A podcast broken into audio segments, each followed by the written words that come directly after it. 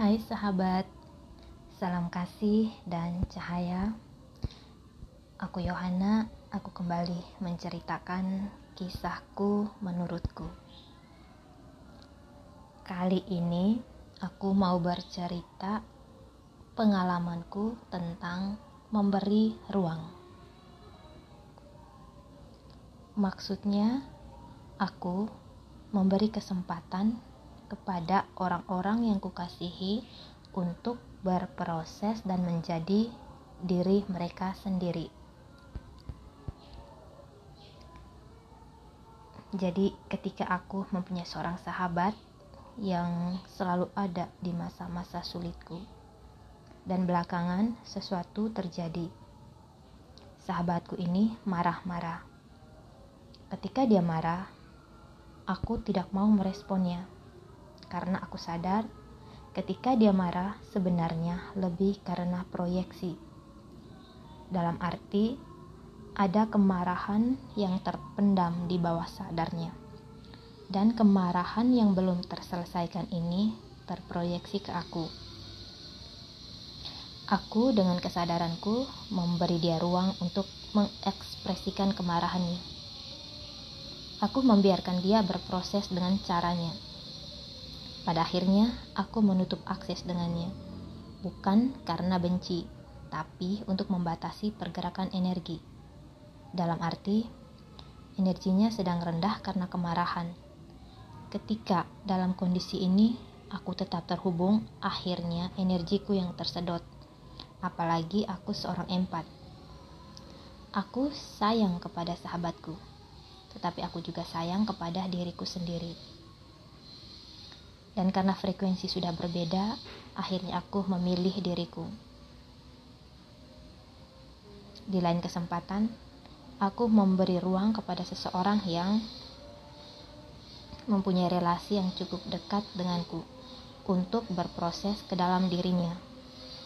Aku memutuskan untuk jeda beberapa waktu, dalam arti tidak menghubunginya, dan apa pun yang terjadi dengannya dalam masa jeda itu biarlah menjadi proses pembelajarannya. Karena kalau aku intervensi dengan mencampuri prosesnya, nanti aku malah mensabotase prosesnya. Jadi kalau dia kesepian, biarkan dia kesepian. Kalau dia terluka, biarkan dia terluka. Ketika akhirnya dia bisa melewati masa-masa gelap itu, dengan sendirinya akan terkoneksi kembali dengan mudah ringan, dan menyenangkan. Dalam masa jeda ini ada keinginan untuk terkoneksi. Dalam arti ego kadang-kadang mengambil peran ya. Dan ada rasa gelisah. Ketika kegelisahan ini datang, aku mengamati kegelisahan itu aku merasakan betapa tidak enaknya kegelisahan itu.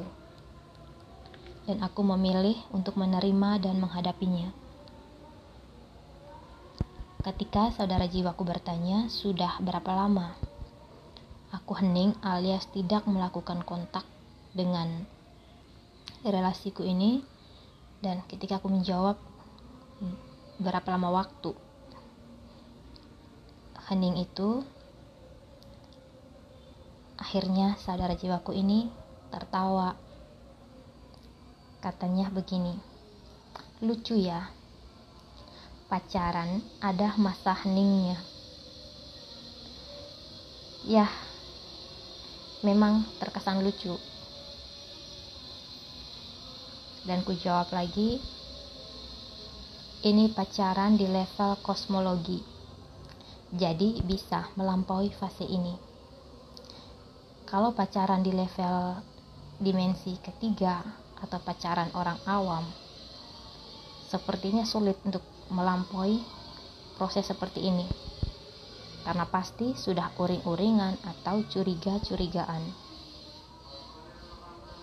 Dan memberi ruang itu adalah hadiah terindah untuk orang yang kita kasihi.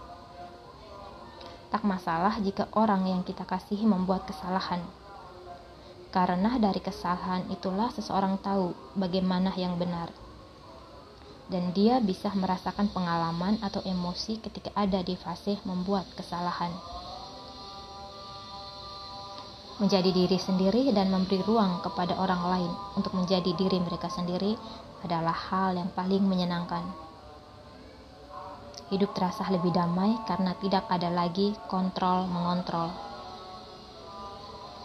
Dalam proses memberi ruang ini, aku memberi kesempatan kepada orang-orang yang kukasihi, sahabat, atau seseorang yang sedang berelasi denganku untuk berproses. Jika aku harus membantu, akan ada waktunya. Jadi kadang-kadang harus tega dulu di awal. Oh iya, aku juga mempunyai seorang sahabat yang setiap punya masalah selalu datang kepadaku untuk cerita. Di awal aku mendengar dan aku berkata, aku sudah lebih dulu ada di fase yang kamu alami. Jadi aku bisa mengerti kondisi kamu. Kemudian aku bercerita bagaimana caraku melewati masa-masa sulit itu. Aku selalu berkata kepada sahabatku, apa pun itu, sesakit apa pun, terima dan hadapi. Mau lari, ke mana pun juga, tetap rasa itu mengikuti dan yang bisa menyelesaikannya adalah dirimu sendiri. Aku hanya membagi kisahku dan bagaimana aku berhasil melewati itu. Tidak mudah memang, tetapi daripada lari dan akhirnya tidak selesai-selesai, ya sudah dihadapi saja. Belakangan aku amati sahabatku ini belum siap untuk masuk ke dalam dirinya. Maka itu setiap ada masalah dia berusaha untuk cerita kepadaku sampai akhirnya aku membuat batasan yang jelas. Aku katakan, kita memang bersahabat, tetapi aku tidak mau menjadi tempat sampah untuk menampung emosi-emosi negatifmu. Ketika dia curhat, emosi negatifnya itu ditumpahkan kepadaku.